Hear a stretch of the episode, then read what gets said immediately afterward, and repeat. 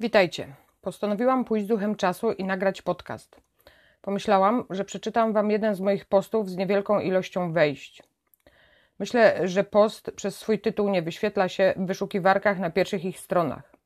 Ten podcast będzie swego rodzaju eksperymentem. W zależności od, od dźwięku z Waszej strony będę kontynuować tworzenie podcastów albo zawieszę ten pomysł. Przeczytam Wam post pod tytułem Koń przytulony.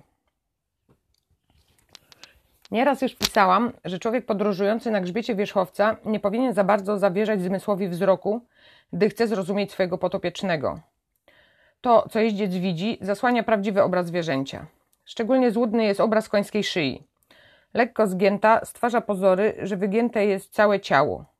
I na takim obrazie układu szyi człowiek się często opiera, tworząc wizję całego ciała zwierzęcia. Nasz wzrok jednak nie jest w stanie tak naprawdę zobaczyć, co się dzieje z wielkim, ale delikatnym cielskiem pod nami. To można tylko poczuć. Również gdzieś już też pisałam, jak wspaniałym ćwiczeniem jest jazda wierzchem z zamkniętymi oczami. Podczas tego ćwiczenia można nauczyć się czuć i odczytywać ciało potopiecznego. Ćwiczenie staje się niezastąpionym, gdy ma się jeszcze pomoc instruktora, który podpowie, na co zwrócić uwagę, co i jak spróbować poczuć i jak zależne są od siebie ciało jeźdźca i konia. Jeździec powinien wyczuwać, czy mięśnie zwierzęcia są rozluźnione, ruch stawów sprężysty, a ciało prawidłowo ustawione. Coś, czego również nie można zobaczyć, a ma niesamowite znaczenie przy pracy z wierzchowcem, to jest jego zwarte ciało. Jak to poczuć? Siedząc na grzbiecie konia, wyobraźcie sobie, że nie jest to grzbiet jednego zwierzęcia. Wyobraźni przesiądźcie się na dwa idące obok i blisko siebie wierzchowce. Usiądźcie równocześnie na lewego i prawego konia. Zamykając oczy, powinniście poczuć, że oba te konie są do siebie idealnie przytulone, poczynając od czubków nosów do obu nasad ogonów.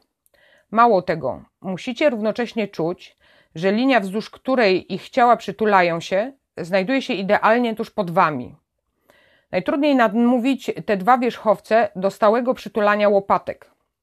Specjalnie piszę namówić, ponieważ jak zwykle sygnały dawane wodzami, łydkami i ciałem przez jeźdźca mają poprosić zwierzę o wykonanie polecenia. Na pewno człowiek nie powinien próbować przytulać obu koni, ściskając je siłowo udami, kolanami czy piętami.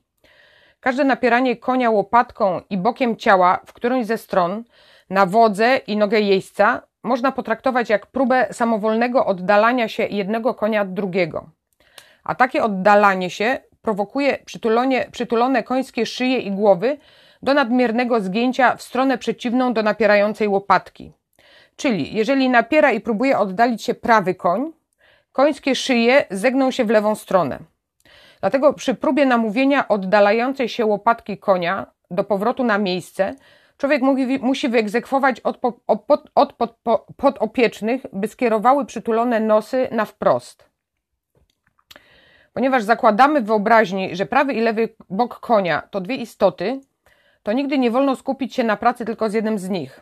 Rozmawiając na przykład z prawym koniem na temat konieczności przytulania się do lewego, jeździec musi dokładnie wytłumaczyć temu ostatniemu, jak ma się przy procesie przytulania zachować. Musi on również chcieć się przytulić, czyli nie może próbować się odsunąć. Musi się pilnować, by nie stracić równowagi i nie dać się przepchnąć i odepchnąć, gdy towarzysz się przytula. Żeby jednak podopieczny był naprawdę zwartym wierzchowcem, należy wyobraźni stworzyć jeszcze jedną parę koni, z którymi równocześnie pracujecie. Jest to koń przedni i koń zadni. I jak w przypadku poprzedniej pary, ci dwaj towarzysze muszą być do siebie ściśle przytuleni i również linia, wzdłuż której się przytulają, powinna być przez Was odczuwalna dokładnie pod Wami. Często można znaleźć w internecie pytania typu: Mój koń pędzi, gdy coś tam. Mój koń pędzi podczas czegoś innego. Co mam zrobić, żeby nie pędził?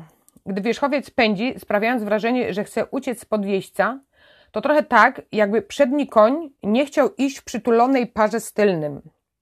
Chcąc namówić potopiecznego, by nie pędził, człowiek musi najpierw wyegzekwować przytulenie się przedniego konia do sąsiada z tyłu. Podczas tej namawiającej do przytulania pracy jeździec nie może pozostawić bez żadnej informacji tylnego partnera. Łydki jeźdźca powinny przekazywać mu informację zachęcającą do bliskości z przednim partnerem. Powinny zachęcać tył do aktywnego ruchu, by nie pozostawał zbyt daleko z tyłu i by nie odczytał przytulania się przodu jako odpychania. Przy bujnej wyobraźni taka praca nad przytulaniem konia nie jest trudna. Trudniejszą sprawą jest namówienie wierzchowca, by nie popsuł takiego przytulonego układu ciała. Trudniejsza jest praca nad wpojeniem tego układu, by z czasem stał się dla konia nawykiem. Żeby to osiągnąć, zamknijcie przytulonego podopiecznego do dopasowanego pudełka bez dna. Nie może być za ciasne ani zbyt obszerne. Powinno z jednej strony dotykać czubka nosa, a z drugiej nasadę ogona zwierzęcia. Po bokach powinno przylegać do końskiego brzucha. Podczas każdego schodów, podczas przejść między nimi, podczas wszelkich ćwiczeń i zatrzymania, nieustannie proście swojego wierzchowca o niewystawianie żadnej części swojego ciała poza to pudełko. Przy każdej próbie wystawienia nosa, zadu czy łopatki wyegzekwujcie natychmiastowy powrót do pudełka. Gdy będziecie czujni, a refleks wasz będzie niezawodny, za, zareagujecie na samowolkę potopiecznego, zanim zdąży dokonać dzieła. Te przytulone konie muszą też cały czas współgrać jak w tańcu w parze. Każde ćwiczenie, każdy ruch w tym tańcu się uda, będzie płynny i swobodny, gdy konie będą przytulone. Zawsze jednak w tanecznej parze jest partner prowadzący. W parze przedni tylny wierzchowiec prowadzącym zawsze jest ten drugi. Przód podąża za jego ruchami, mimo że jest istotą czołową. Na przykład w kłusie dodanym przedni koń wyrzuca spektakularnie do przodu nogi dzięki temu, że tył uwydatnił krok. Jeszcze mocniej przytulił się do, do przedniego partnera i poprowadził go długim tanecznym krokiem. Kłus wyciągnięty nie jest efektem rozpędzania tej końskiej pary, jak się niektórym miejscom wydaje. Każde zwolnienie tempa, przejście do niższego chodu czy zatrzymanie się konia powinno być efektem przekazania przez jeźdźca prośby tylnemu zwierzęciu. Przód jako partner prowadzony powiela ruchy towarzysza.